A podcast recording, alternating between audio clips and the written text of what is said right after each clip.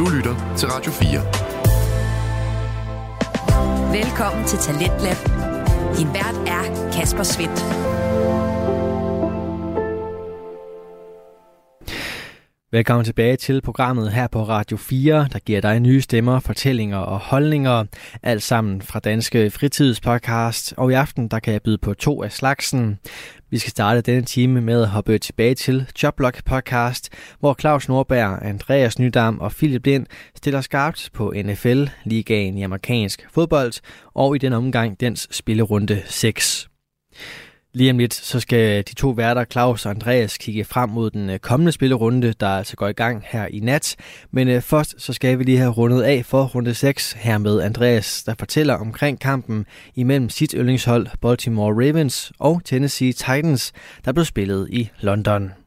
Jeg har godt også tænkt mig, at vi får styr på vores red zone angreb, fordi vi brug for næste uge. Jeg kunne godt synes, det kunne være fedt at se, at øh, man turer og bruge Lamar lidt mere red zone øh, ture og, og tage nogle flere, øh, bare generelt bare sige, nu tager du den og løber ind, øh, nu skal de næste uge møde af et forsvar, der ikke er helt er så stort og tungt som, som, som Titans, så det kan godt være, at vi ser det noget mere, men, men jeg kunne godt tænke mig, at det her red zone, det var lidt mere, øh, lad mig gøre, gør, hvad du skal for at komme ind-agtigt, øh, fordi at det er det, han var rigtig god til i starten. Jeg synes, han er... Han har ikke helt den der elusiveness, som han havde i starten af, af sin karriere.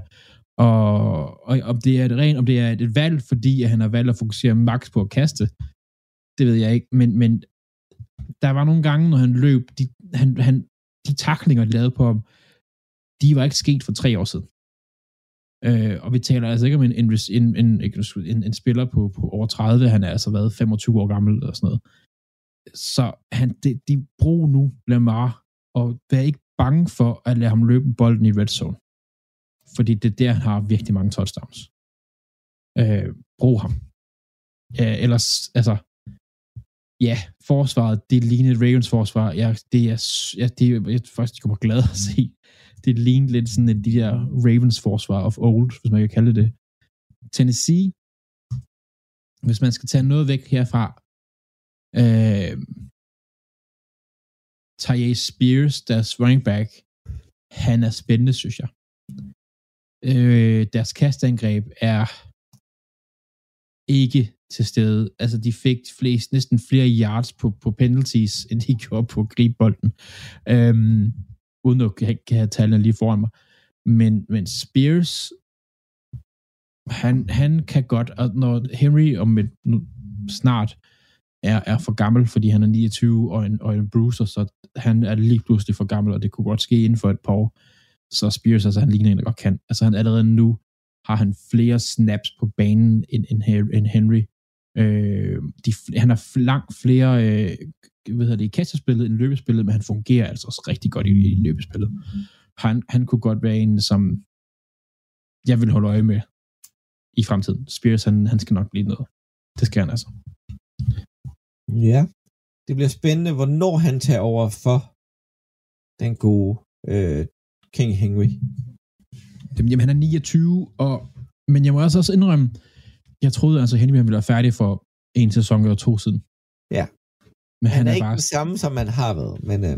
Nej, nej, men han er effektiv. Han er ikke den der, der tæver folk for 180 yards og tre touchdowns. Det er han ikke, men, men et Ravens forsvar, der er godt og forholdsvis tungt, 97 yards og et touchdown, det er ikke... Altså, han har et løb, der er for 63, det skal vi også huske at have med her. Men, men altså, det, det er sgu meget godt. Altså. Nå, har du, øh, har du mere til den gode Titans-kamp på Hotting, Hotting, Tottenham Hotspur Stadium? Nej, nej.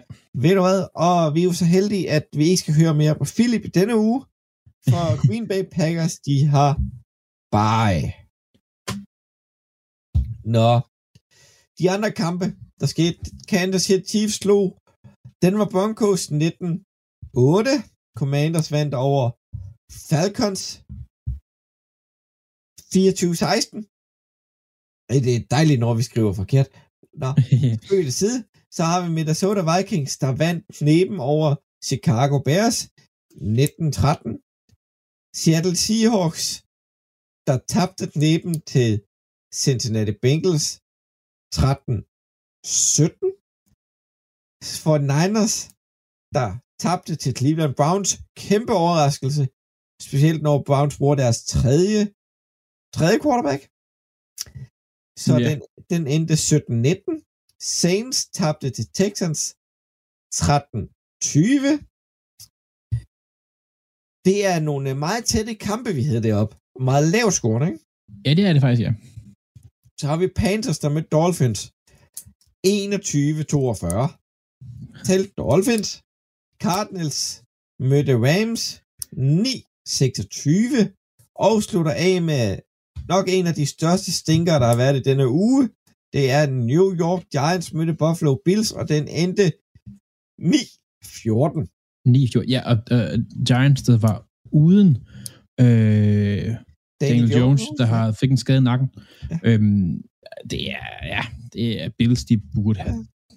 Det burde de altså lukket noget mere. og, og har lige siddet og kigget på lidt statistikker.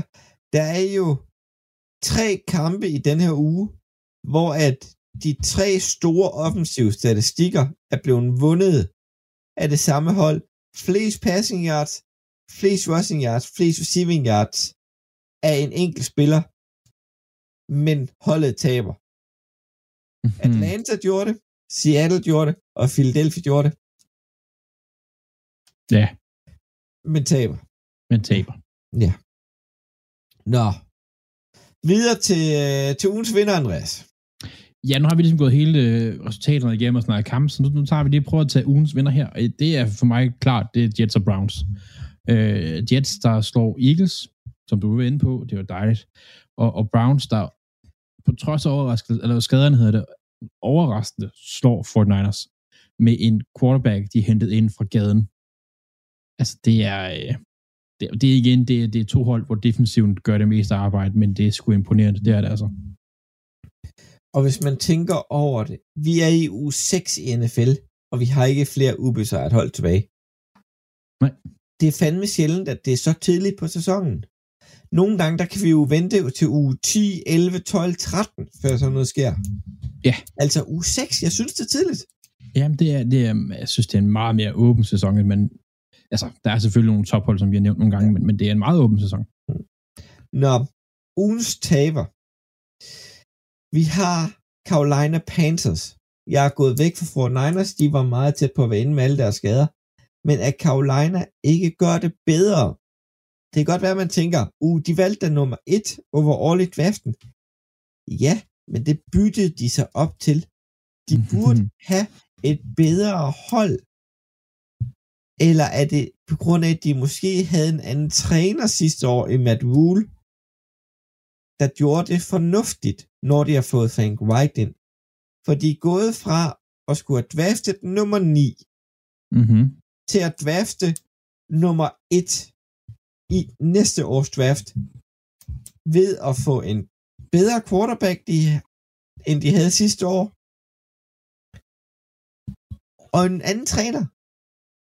Det burde jo gå den anden vej, altså at udvikle ja. holdet fremad. Det er bare stagneret, og måske endda gået lidt baglæns.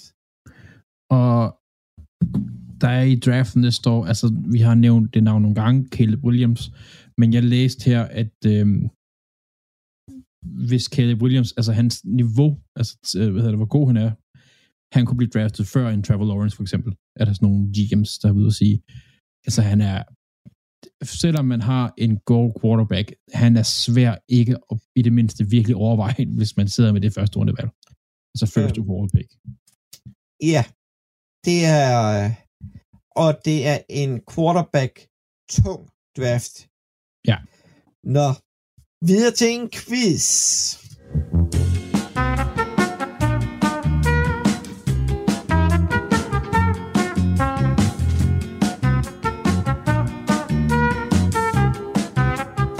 Og det var jo flest fumbles i NFL-historien, at man har smidt på gulvet.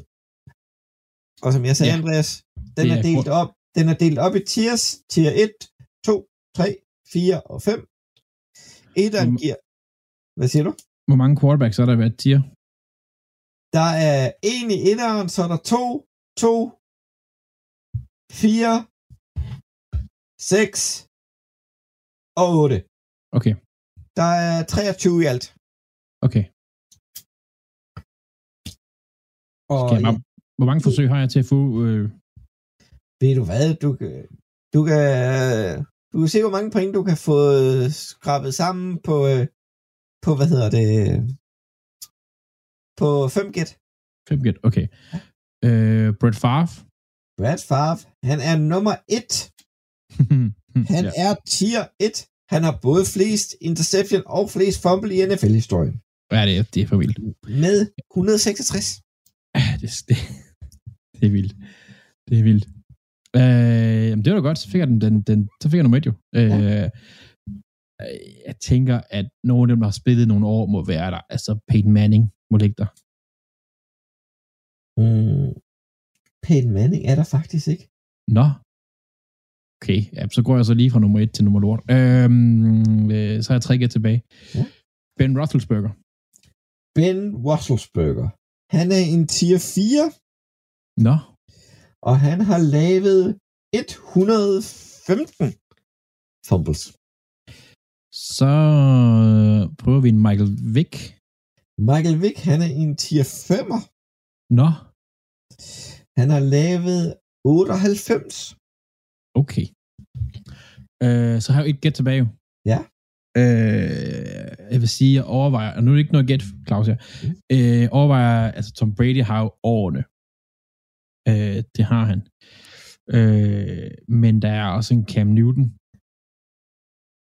som jo har løbet og nok også tabt en masse bolde på det. Har været rigtig god til at løbe. Øh, og der er jo også en Philip Rivers, der har spillet i mange år, og jeg er ikke bange for at løbe med bolden.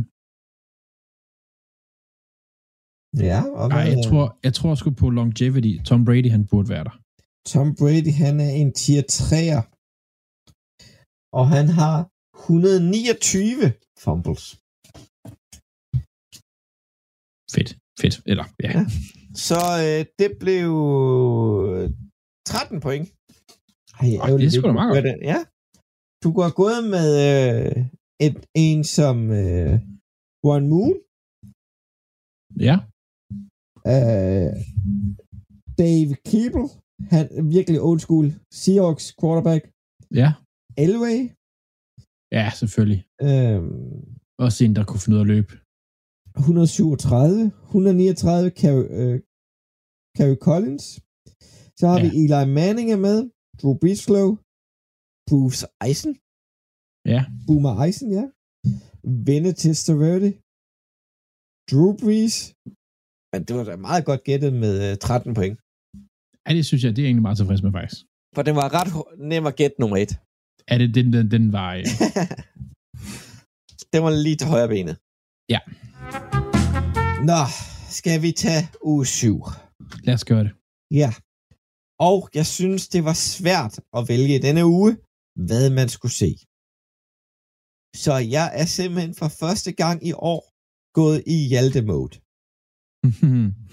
Hjalte og Arizona Cardinals skal møde Seattle Seahawks. Og det er simpelthen den kamp, jeg gerne vil se.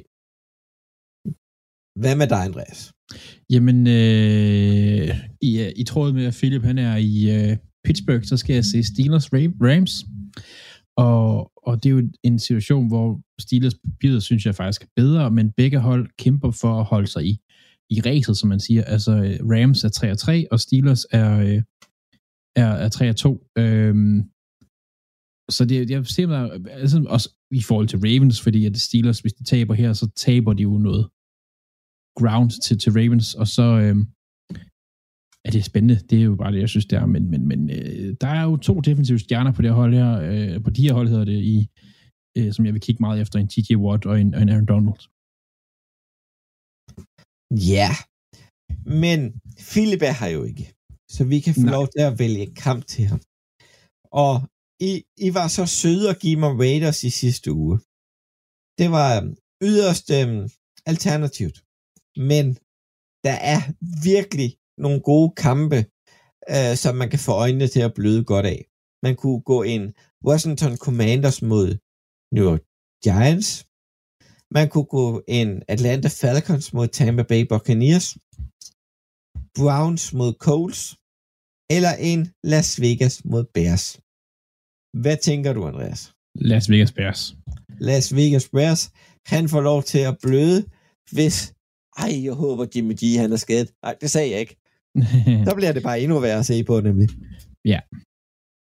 Så Philip skal se Las Vegas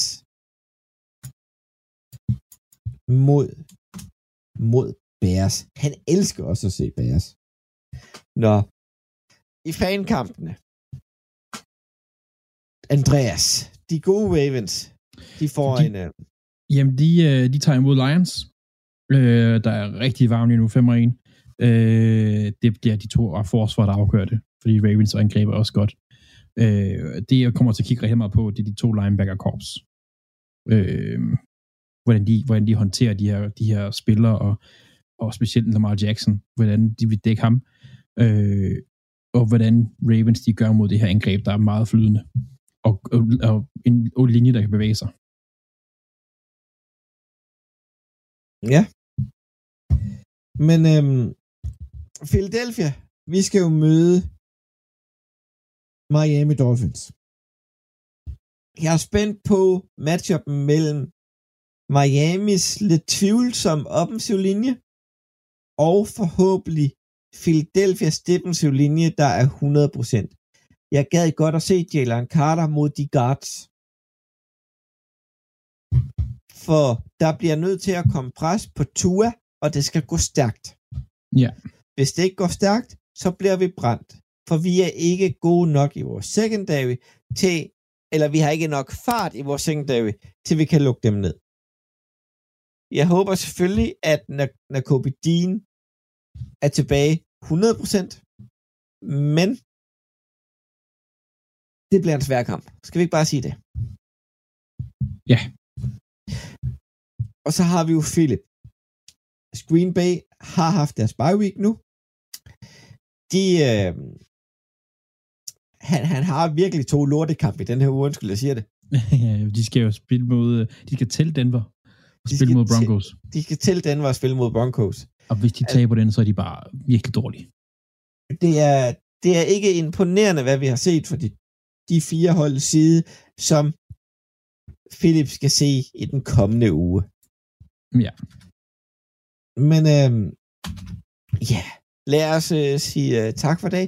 Tak for, at I har lyttet med hele vejen til enden. Vi høres ved i næste uge, Yes. og moin moin. Moin, moin. Du lytter til Talentlab på Radio 4. Og her var det altså afslutningen på aftenens første fritidspodcast. Det var Choplock podcast, for Claus Nordberg, Andreas Nydam og en anden steds Philip Lind, de fik øh, nørdet løs inden for NFL, ligaen i amerikansk fodbold og dens spillerunde 6. Du kan øh, høre meget mere fra Choplock podcast inde på din foretrukne podcast tjeneste, og også følge med inde på det sociale medie Instagram. Og på podcast, tjenester og på sociale medier, der kan du også finde aftenens næste fritidspodcast. Den hedder En ting ad gangen og består af Vilas Jacobsen og Tobias Bjerg. Og øh, de præsenterer her en øh, podcast, som øh, dykker ned i naturvidenskab. Og øh, podcasten, som øh, navnet hentyder, tager alle os lyttere igennem de forskellige forsøg, opdagelser og vilde historier et skridt ad gangen. Villas og Tobias, de er et øh, par dygtige formidlere, som altid har plads til underholdning, men altså har en øh, kerne af viden og fascination, som øh, de sørger for at levere til dig. Det gør de også i aftenens afsnit, hvor vi skal kigge på de første tegn på liv i rummet, og du skal altså med her en tur til planeten K2-18b.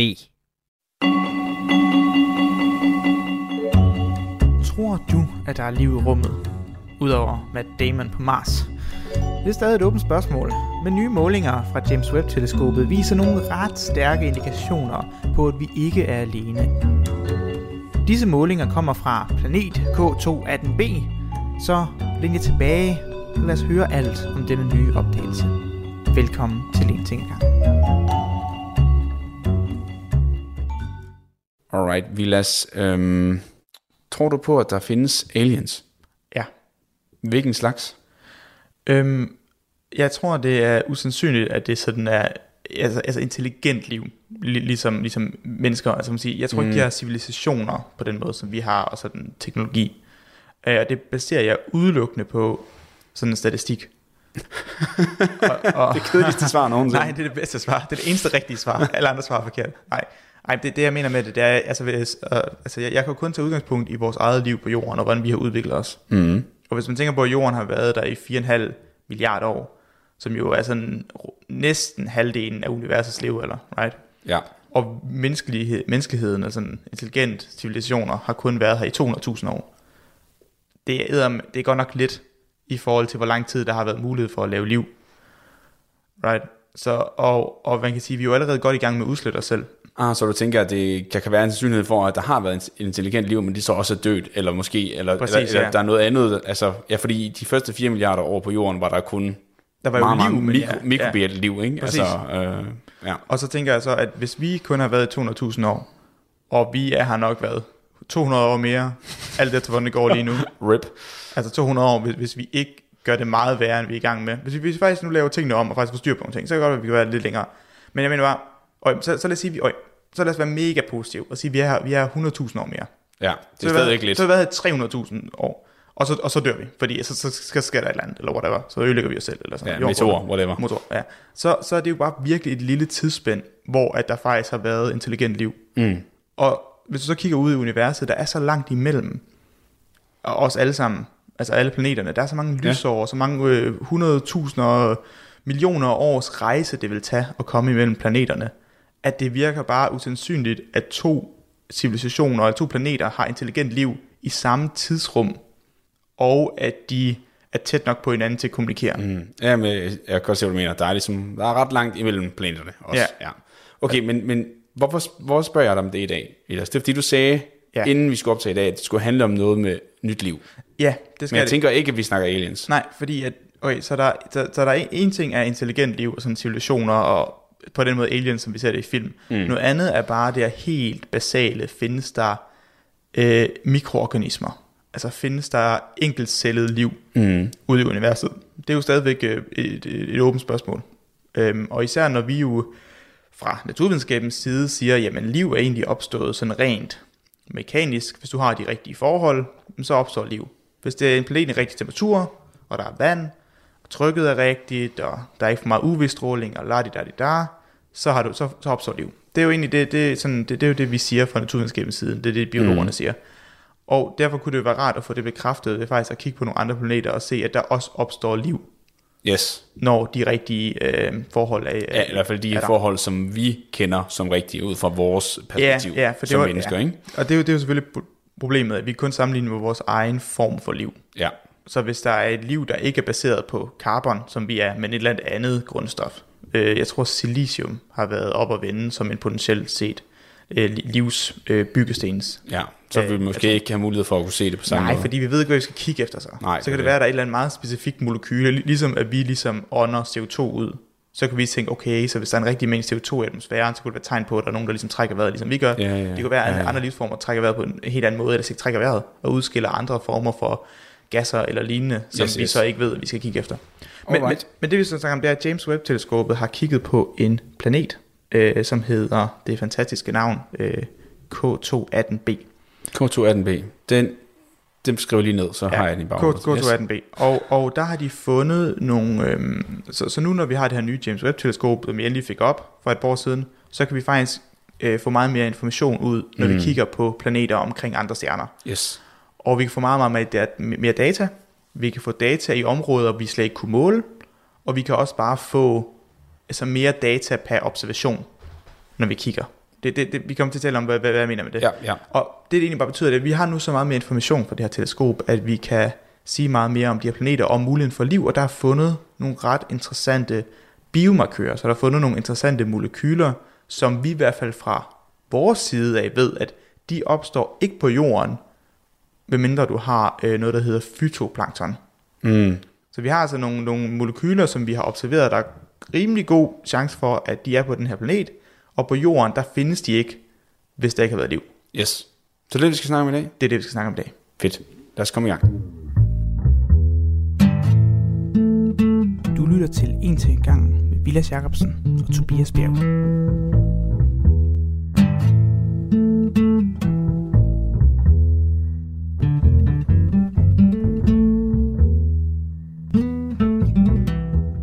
Godt.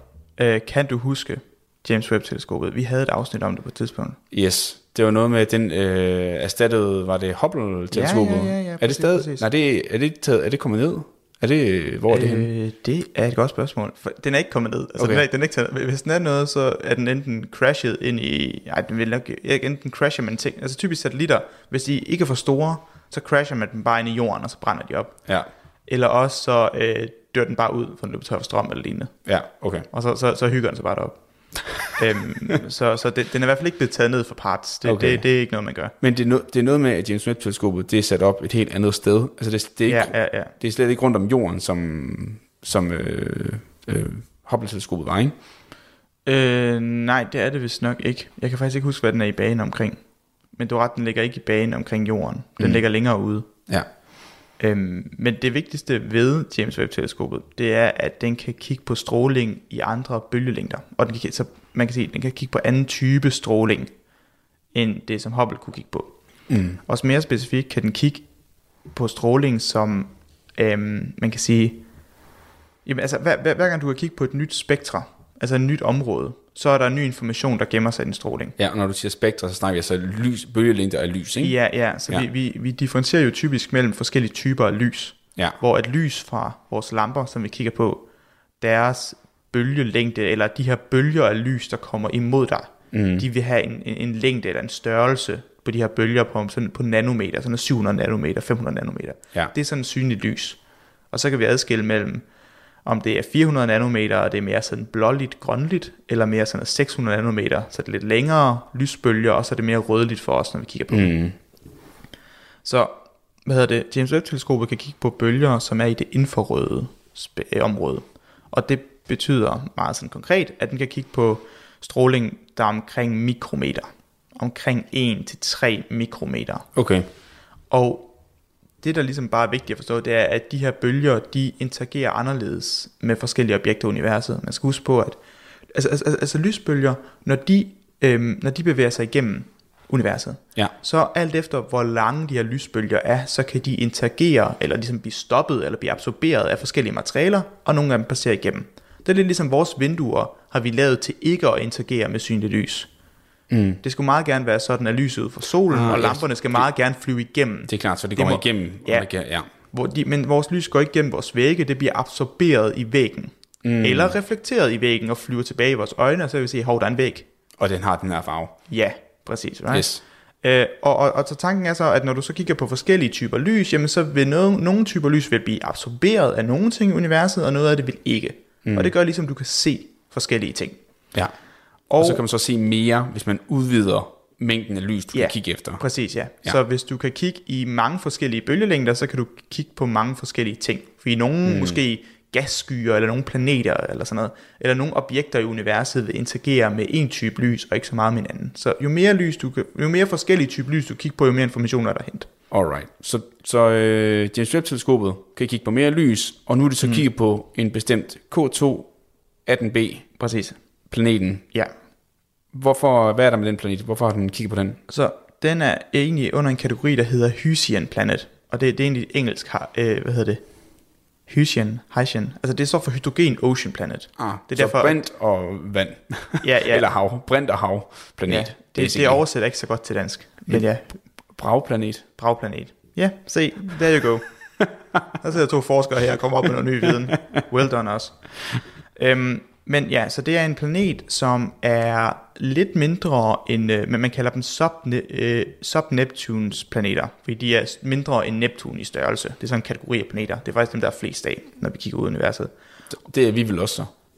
Øh, ja, men ja, vi er under, ja, det kan vi sige, vi er. Vi er mindre end Neptun, men vi er ligesom mere, altså, sådan faste klippeplaneter, Mm. kan man sige. Nå, ja, det er rigtigt. Vi- Det er jo en lidt- isplanet. Yes, okay. Ja, ja, ja. Øhm, og, og det der er med de her planeter, det er, at de er cirka, sådan, hvis vi sammenligner med jorden, det, lad, lad os udgangspunkt i jorden, så er de her øh, type, de her, de her, de her Hysian-planeter, de er mellem cirka 1 til 2,6 øh, radius størrelse i forhold til jorden. Så Ja. de er typisk jordens størrelse, eller to gange større, Ja. Ja. to og en halv gange større, og så masserne varierer lidt mellem 1 til 10 gange jordens masse. Okay, så de vejer faktisk overraskende meget mere. Og det er selvfølgelig også, De er der, er noget, større. der er noget med radius, fordi at to gange radius betyder ikke to gange Nej. øh, ty, øh, masse. Det Nej, kan nej, være meget mere. Præcis, på grund af ja, radius. præcis, præcis. Øhm, ja, og så, men, men det der, så nu, nu, taler, nu taler vi faktisk lige om masse. De her planeter, de har faktisk ofte en lavere densitet, end jorden har. Hmm. Så de er større, og de kan veje mere, men som du siger, dobbelt størrelse volumen er ikke nødvendigvis, eller dobbelt størrelse radius er ikke dobbelt størrelse masse. Nej. Øhm, så de kan ofte have de her store radiuser og relativt lav densitet øh, i forhold til for eksempel jorden eller som klippeplaneter. Og det resulterer faktisk ofte i, at deres atmosfære er meget stor. Og det er ikke oplagt hvorfor, Nej, det er så også lige tænkt, om det giver mening. Det ved Det er jeg ikke helt trivielt. Nej. men det gør det. Viser det sig. øhm, og, og, så, så det er ligesom, det, det, det er bare det, man skal ligesom tage med. Altså okay, okay. Okay. det er der nogen, der kigger på, at de her, de her planeter, de har øh, typisk et, et hav på sig, så det kan have flydende vand, Ja. og de kan have en stor atmosfære. Som jeg går ud fra, består rigtig meget hydrogen. Yep, præcis. Yes. Og det er jo faktisk utroligt praktisk, fordi at når vi skal kigge på planeter, og vi skal prøve at forstå, for nu, nu sagde jeg det der med, at der bliver observeret en planet, og der er observeret, at der er nogle molekyler på planeten. Hvordan kan du overhovedet kigge på en planet? Ja, det er, så, det er sådan Det- lidt... det er man sådan kan, jo ikke- vi er jo vant til, når man kan kigge på planeter, altså hvis du har sådan en backyard-teleskop, du sidder derhjemme i dit teleskop, så kan du godt med en god teleskop faktisk øh, få et ret godt billede, fysisk billede Ja. af Jupiter for eksempel, eller. Præcis. Mars eller et eller andet, fordi de er så relativt tæt på, siger jeg Ja. med godsøjne, ikke? Fuldkommen. Men det kan man vel ikke, når vi når millioner af lysår væk, så øh, Nej, så bliver det gradvist sværere, kan man sige. Ja. Og, og det man så ender med at gøre her, det er, at du bruger noget, der hedder transitmetoden. Hvor at du, hvis du er rigtig, rigtig heldig, mm, altså, så er de her planeter, du kigger på, som jo, nu, som jo normalt er mørke, en planet lyser jo ikke som sådan. nej, Men hvis du er meget, meget heldig, kan det være, at planeten drejer omkring sin egen stjerne, ligesom vi drejer om solen, og hvis den her planet nu lige kommer ind foran dens stjerne, fra vores synsvinkel af, så den lige blokerer noget af den her stjernes lys for os, mm, så kan vi ligesom se, at der er et dyk i lysintensitet. yes, yes. Og det kan vi så sige, hov, der var der lige en planet der. Ja, eller i hvert fald et eller andet, der er blokeret. Men det kan også ud, hvad det går ud på, hvor, hvis man nu Hvor- hvor, ved, hvor ja. stor stjernen er, Ja. og hvor stor dyppet i lyset er, samtidig med det om, hvor stor på det objekt, der var. Mm. Og også noget med, hvor hurtigt det bevæger sig. Ja. Vel også fordi, at det, Der er alle mulige informationer, man kan få her. Du har ret i, at jo større dyk i lysintensitet, jo større er objektet, som er foran ja. Stjernen. For obviously, hvis den var større end stjernen, eller i hvert fald var stor nok til at kunne blokere hele lyset, så, så ved vi, okay, så er, det, så er den jo ret stor, kan man sige. Ja. Øh, så er det også noget med, hvor, hvor ofte kommer de her dyk?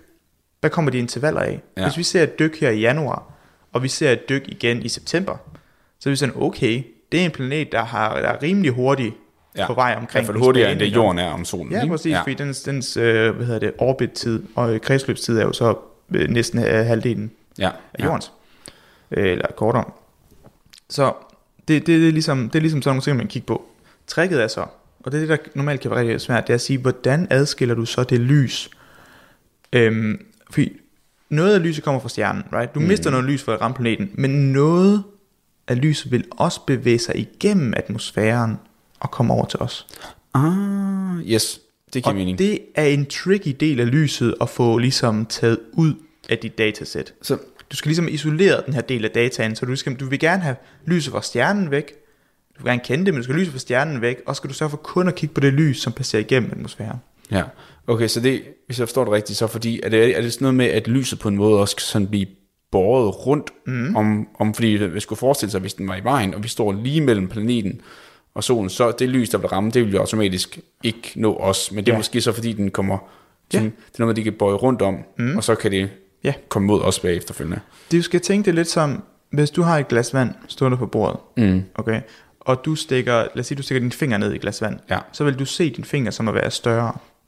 Ja, det er rigtigt. Right? Ja, det ser en helt underlig ud. Ja. Ja. Og, og det der egentlig sker der, det er, at når lys bevæger sig igennem fra et materiale til noget andet, så bøjer det. Okay. Så, så, så, så, så, så, har det en, så får det en, en ny vinkel og flyver ud i en ny retning. Ja. Og sådan er det i alle, i alle overgange, alle faseovergange. Så lad os sige, du går fra vakuum til gas, så vil det bøje, eller fra gas til væske, eller væske til fast, fast materiale som glas eller sådan noget, så vil du se, at lyset bøjer lidt. Mm. Og det, ret mig hvis det er rigtigt, det er vel også det, der sker, når, eller det ved jeg måske ikke, er det det, der sker, når for eksempel solen, eller himlen skifter farve, når solen går ned? Øhm, Eller er det noget med, hvordan det skatter? Øh, Så det har noget at gøre med, hvordan det skatter, men mest af alt også noget omkring, at når solen går ned, og du kigger på solen ud over horisonten, så det lys, du ser, det bevæger sig igennem meget atmosfære. Yes. Mest mulig atmosfære, kan man sige. Ja. For hvis du ser den på kl. 12 om dagen, og du kigger lige op, så er der ligesom et tyndere lag luft, Ja, der så skal det er igennem meget lille tynd. Ja, det er i klart. forhold til, ja.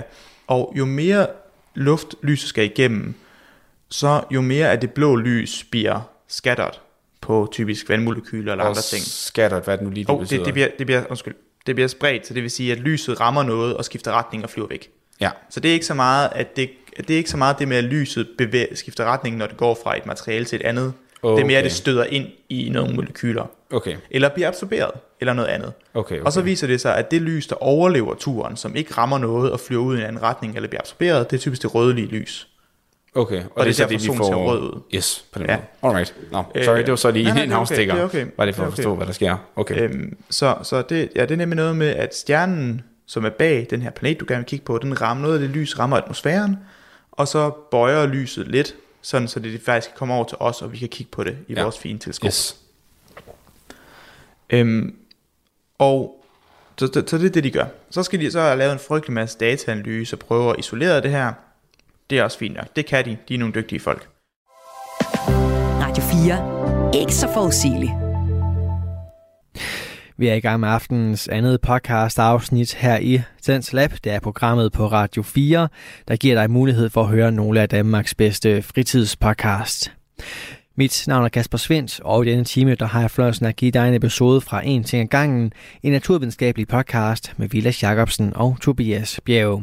De kigger lidt nærmere på øh, de første tegn på liv i rummet, og øh, du skal hermed tilbage til øh, turen til planeten K2-18b. Så nu kigger vi på de her planeter. Og vi har nu, øh, vi glæder os ved, at de har en meget stor atmosfære, så nu er der en stor del af lyset, der kommer igennem, så vi får meget data.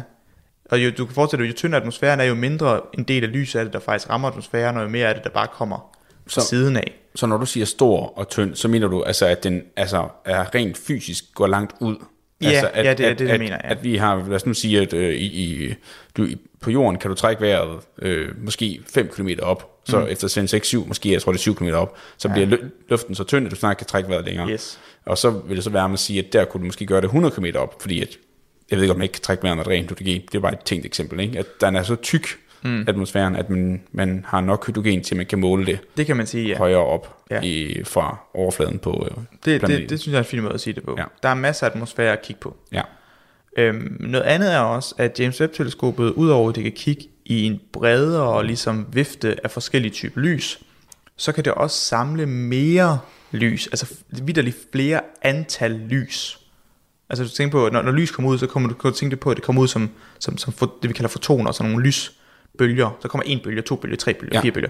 Du har også en effektivitet i, hvor mange af dem du faktisk måler. Øhm, så det vil sige, hvis jeg sender 10 lysbølger mod din retning, hvor mange af dem måler du faktisk med dit udstyr? Ja. Måler du 1, 2, 3, eller måler du alle 10? Hvor effektivt er dit udstyr til faktisk at måle det, der kommer Ja, ja, igennem? ja. Og James Webb-teleskopet kan, hvad hedder det, hvis vi sammenligner det med, med Hubble-teleskopet, så hvis Hubble har, har kigget på en passage, så de kigger, nu, nu Hubble har faktisk var den første, der fandt den her planet. Okay. Det var ikke engang James Webb. Ja. Og nu, nu kigger Hubble på den her planet, planeten kommer ind foran den der stjerne, og så nu, nu har du ligesom fået en mængde information. Så hvis du sammenligner den, den, den, den, det event med James Webb-teleskopet, så vil James Webb-teleskopet cirka have lige så meget information, som hvis Hubble havde, havde kigget på otte passager.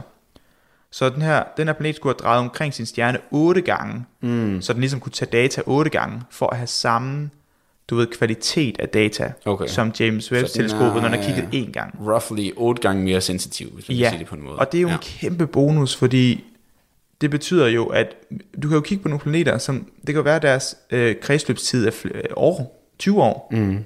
Altså, er 20, med- 20, 20 jordår, right? Ja, ja, ja. ja det, så er det, så er det lige irriterende, at du skal vente 20 Ja, ja. år for at observere den en gang til. Præcis, så der er det jo en, øh, en kæmpe, kæmpe, kæmpe fordel med James mm. Webb. Så nu har vi talt lidt om, at okay, vi har de her hy, de her hy- Hysian planets, ja. Med sådan lidt danklis oversætter, der er en masse hydrogen, eller brint i atmosfæren. Det er en meget stor atmosfære, mm. så vi kan glæde os ved at få meget data. Og så er der en masse flydende vand, så vidt vi ved, under. Yes. Det er vores teorier, at det, der skulle være et, et hav. Og interessant nok også, så skulle det faktisk, øh, der skulle være nogle områder af de her planeter, som faktisk har nogle rimelige temperaturer, der minder, altså hvor vi faktisk kan have flydende vand. For noget, du, du kan godt have et hav af vand, uden det er flydende. Mm. Det er bare fordi, vi tænker flydende vand. Du kan godt have et hav af vand, så hvor det er gas. Ja. Det, ja, det, er kun, det er kun fordi, vi tænker vand som flydende, og vi tænker et hav som flydende, at vi Yes. tænker på den måde. Øh, men de mener, at, hvad hedder det, temperaturerne på den her planet kan variere lidt mellem minus 23 og 26 rigtigt. Minus 23 og minus 26. 26, minus 26 eller Nej, nej, plus 26. altså plus 26 grader. Okay, så meget jordlige temperaturer. Lidt koldt, men Ja, der vil nok være nogle punkter ude ved polerne, hvor det bliver meget, meget, meget, meget koldere. ja. Og der vil være nogle steder, hvor det er meget, meget, meget varmere. Men, men der vil være nogle områder, hvor vi kan have flydende vand. ja. Øhm, og, og så det, det, er sådan, okay, det, det, lyder, det lyder i og for sig lovende, og så derfor er der mange, der kigger på de her type planeter, i stedet for at kigge, lige, lige kigge efter jordlignende planeter. Mm. Og så hvis du finder en jordlignende planet, er det virkelig svært at få information ud af det, fordi vores, atmosfære er så relativt lille, så der er meget lidt lys, der faktisk passerer igennem det. Yes. Så det er meget svært at få information ud af det. Det næste, vi skal tale om, det er så, okay, nu har vi, nu har vi den her planet, K218b, og vi har vores James Webb-teleskop, og den kigger Yes. på det her, og vi har en masse information. Så hvad er det så, vi har fundet ud af? Det er det næste, vi taler om. Fedt.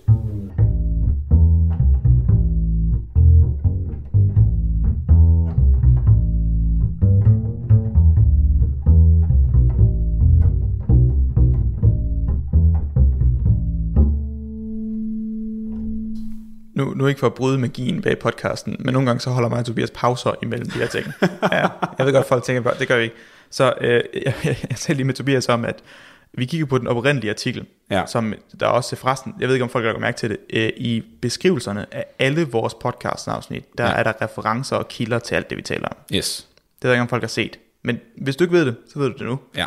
Øh, så der, du kan øh, altid, forhåbentlig i alle vores afsnit, burde der altid være et link til et eller andet, hvor Ja. vi har taget vores information fra, og hvad vi taler ud fra. Ja, præcis. Øh, og der viser jeg den oprindelige artikel, øh, hvor, hvor det, det er sådan meget, du, du ser en meget sådan, øh, vi viser jo mange grafer, right? Det er sådan en graf, sådan, Det var lige en meget klassisk det er, en, det, er en, graf. det er en klassisk graf, den er fin, den er flot.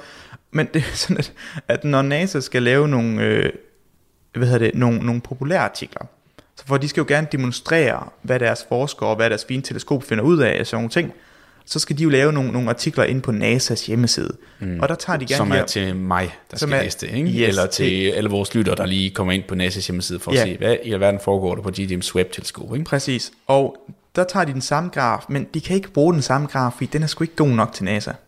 Den Ja. skal være pænere, så de har bare sådan taget en eller anden stakkels grafisk designer, og så givet dem den der graf, og så er de bare sådan, gør den pæn. Og så er de bare sådan, det, det, det er super poppet og farver, og sådan, jamen det er virkelig, Man kan sige, øh, vi kan sige, at øh, vi, hvis du går ind nu på vores Instagram, det lover jeg nu, at øh, hvis du går ind på vores Instagram nu, så, har, så vi altid for at lægge en sammenligning op af de to grafer, og jeg kan lige hurtigt give en hurtig beskrivelse til jer, der ikke har følger os på Instagram, øh, ellers så gå ind og gør det. Den, den ene graf er nærmest bare sådan sort-hvid, øh, relativt simpel, med, hvor man viser, at det er sådan et spektrum ikke? Ja, af, ja, af ja. det forskellige lys, man har set, som bare sådan meget tørt fortæller, vi målte det her lys i de her øh, forskellige områder. Områder. Og så i den poppede graf, der er det lige sat, øh, gjort det med, ja, med uh, lilla farver for noget af det, der er lidt specielt, og så grønne farver, og så rød farver for der, hvor der er CO2, og så Ja, ja, putter alle mulige atmosphere, composition, sort-hvid, og så er der sådan lidt en, noget, der ligner en planet i baggrunden, Ja. bag den også, og så er der noget rødt nede lige foran, jeg ved ikke, om Jeg det ved er, ikke, er, det en sol eller et eller andet. Det, det, er virkelig, det, det, det, øh, godt en sol. det virker, det virker lidt som om, øh, vi er klar til at gå ind i en eller anden øh, en interstellar, hvor, hvor de har sådan ja. Ja. en skærm bagpå, og de siger, se hvad vi har målt, så er det sådan her, det ser ud. Ja, den her, den her graf er directed af Christopher Nolan. Fuldstændig. ja, det er rigtigt. Det, det er sgu meget fedt. Det kan et eller andet. Men det er meget sjovt. Begge artikler er også i beskrivelsen forresten. Ja. Men i hvert fald, vi, vi skal tale om nogle af de her resultater, og grund til, at vi taler om den her graf, det er det jo, som sagt, så, så siger uh, Tobias, jamen, de, de informationer, de, de, de får ud af det, det er ligesom en graf, der fortæller, hvilke lysområder observerer vi meget lys af, og hvad observerer vi lidt lys, Ja, lys af. ja. Og det svarer jo så til, at de, der, hvor vi observerer lidt, det er så der, hvor der er blevet absorberet meget lys. Mm. Hvorfor? Og så, når vi nu tænker på, lad os sige, vi har, vi kun kigger på det lys, som pa- passerer, pa- passerer igennem atmosfæren på den her planet, så er det jo vigtigt, at vi taler med nogle kemikere og sådan lidt fysikere, og prøver at forstå, hvilke molekyler vil absorbere hvilket type lys. Og det er det, vi kalder spektrometri, som Okay. er sådan et, felt, et studie. Ja. Og så kan de, det kan være, at du kan skyde noget lys igennem vand, eller vand, øh, vand, vand, øh, en gas med vand, right? Og så kan du se, okay, når vi har gas med vand, så vil den her mængde lys, det bliver forsvundet, det bliver absorberet ind i vandet. Mm. Og det kan have noget at gøre med, hvad det er lavet af, hvad det molekylet er, hvad det består af, sådan, sådan, sådan, sådan. Og så har de ligesom lavet nogle områder, og så er det det, det de har fundet, det som er resultatet, det er, at de har fundet en del mængde metan, CO2, øhm, og det er jo allerede godt. Okay, bare lige hurtigt for, mm. for at stoppe, så bare lige være sikker. Så det du siger, der sker, altså det man laver, så vidt jeg forstår det, så det man kan gøre, det her har jeg altid været så fascineret af, det her, hvordan man finder ting ud i, ud i universet. Men jeg går ud fra, at man oprindeligt har gjort det her hjemme på jorden. Ja, fuldkommen. Lavet nogle forsøg, så jeg putter vand ind lys ind, og så målt, hvad, hvordan er lyset anderledes? Hvilke bølgelængder mangler der? Eller ja. hvilke bølgelængder er der, er der mere eller mindre af i forhold til det, vi starter med at skyde igennem vandet? Og så ser vi, det ser sådan her ud. Okay, så kigger vi ud i universet. Nu får vi noget, der så agtigt ligesom ud, som vi havde hernede på jorden. Ja. Og så ved vi, at okay, det må være vand, eller det må være metan, som du sagde, Ja. eller CO2, what not, som der er Præcis. er Og også til stede. fordi, du kan jo kigge på den her stjerne, når planeten ikke drejer forbi. Så du ved jo, hvor meget lys du normalt skal få. Mm, altså, Så du ved- sådan en, øh, ja. trækker det fra, Ja, agtigt. Yes. Så siger du, okay, ved den her bølgelængde, den her type lys, den her del stråling, der skal vi have så meget, og nu observerer vi så meget, så det er blevet absorberet. Mm. Hvad, hvad, hvad kender vi af molekyler eller ting, der kan absorbere det på jorden? Ja. Det er lidt for simpelt på noget at sige det på. Du har en rimelig avanceret model, hvor du, øhm, du har sådan en kæmpe matematisk model, som indebærer en masse molekyler og sådan nogle ting, og så laver du et kæmpe fit-based, som, som det hedder, mm. hvor at dit program prøver at regne på dataen og siger, hvor meget vand eller hvor meget af de her molekyler, hvor meget af de her molekyler skulle der være, for at det passer med det data, vi ser. Uh, så man laver sådan en, ja, okay, det giver mening, en curve fit, eller hvad kan man sige, sådan, Ja. prøver at få, få den til at passe ind i det, man observerer. Ja, fuldkommen, ja, fuldkommen. Ja. Ja. Og det de så har set på her, det er, at de har øh, observeret, at der er en, øh, en, en, en abundance, som de siger, så en, en, øh, der er en stor Overflod? mængde. Ja, det er sådan, Ah, ah, det- over, det... oversætter man det ikke. Ej, Så der er meget metan, og der er meget CO2. okay. Det er jo i og for sig godt. Fordi vi ved, at CO2 er relativt vigtigt for, at liv kan forekomme. Ja, det er jo ligesom, øh, vi er jo ikke så glade for det på jorden, på grund af, at vi har lidt for meget af det i forhold til at blive for varmt, men ja. CO2 er faktisk ret vigtigt for overhovedet at have en, en højere temperatur på Præcis, ja. jorden, så vi kan le- leve her også, ikke? Præcis. Og så er der en mangel, eller der er en relativt lille mængde ammoniak. Mm. Hvorfor det er relevant? Jo, de her tre ting, så en stor mængde metan, CO2 og en lille mængde ammoniak, eller i hvert fald relativt lille, det viser sig, at det er en af, det, det er en, en af de ting, man forudsiger, hvis du har flydende vand. Så hvis du har et hav med altså væske, Altså ikke gasvand. præcis. Yes. Hvis du har et, et hav, som vi kender havet på jorden med, med flydende vand, så ved vi, at okay, jamen, vandet kommer til at absorbere noget ammonium på en eller anden måde, og det kommer til at kunne udskille noget CO2 og bla bla bla, eller sådan noget. Du, du har ligesom nogle idéer om, hvordan, hvordan skal sådan en planet se ud, som har en atmosfære, der består af hydrogen, og den skal have flydende vand. Der Ja. kan vi, så kan vi lave nogle forudsigelser om, det der, det, det, det, det, du forventer at se. Og det er også det, vi ser.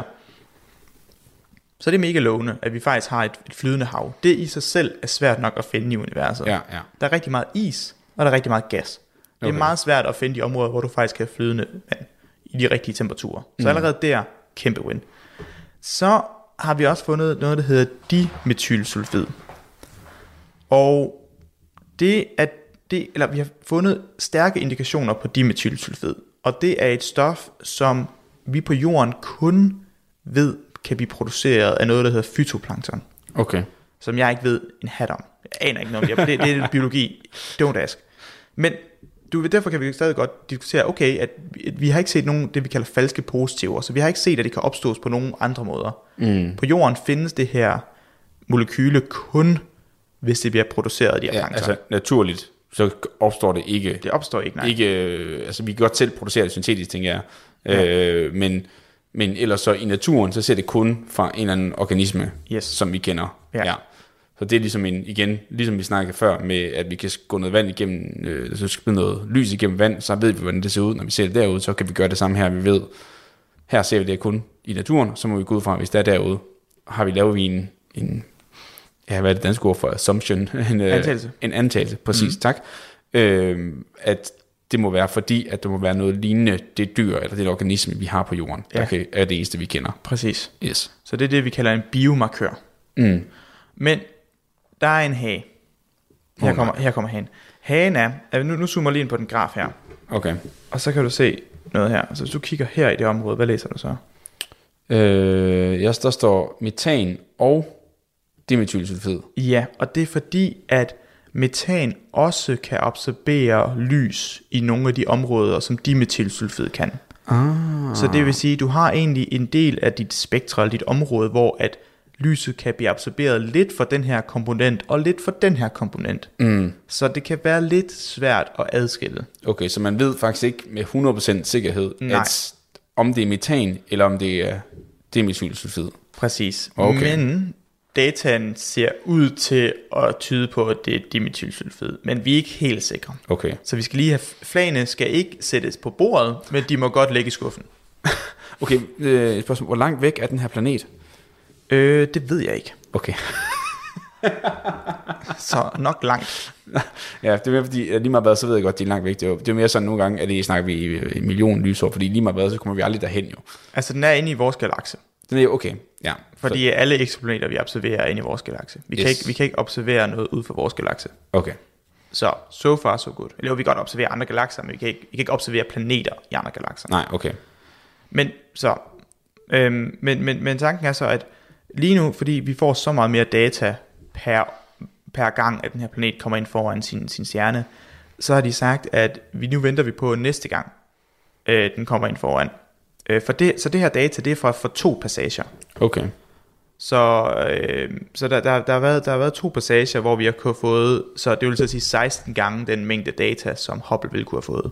Mm, ja, det er jo ret vildt. Det er ret vildt, ja. Så nu, de siger, at de forventer, at de kan, de kan lige se på statistikken for, hvornår er noget sta- statistisk øh, øh, sikkert nok, til vi kan sige, okay, nu har vi fundet det her. Mm. Så de vurderer, at efter en passage, maks to, så vil de have statistik nok til at kunne sige med sikkerhed, om der er dimethylsulfid eller ej. Okay, det er jo rimelig fedt. Det er rimelig fedt. Hvor, ja, fordi nu har jeg lige slået op. Den ligger 124 lysår væk. Bum, der Så det er jo faktisk relativt tæt på, siger jeg. altså i forhold til, hvor mange millioner lysår øh, vores univers er øh, generelt, så er 124. Hvis man lige kan regne rejse for lyshastighed, så er der kun 124 år at komme der til, Præcis. Det, som er fysisk umuligt. Men altså, Yep. lad os nu lade være med at tænke for meget på det.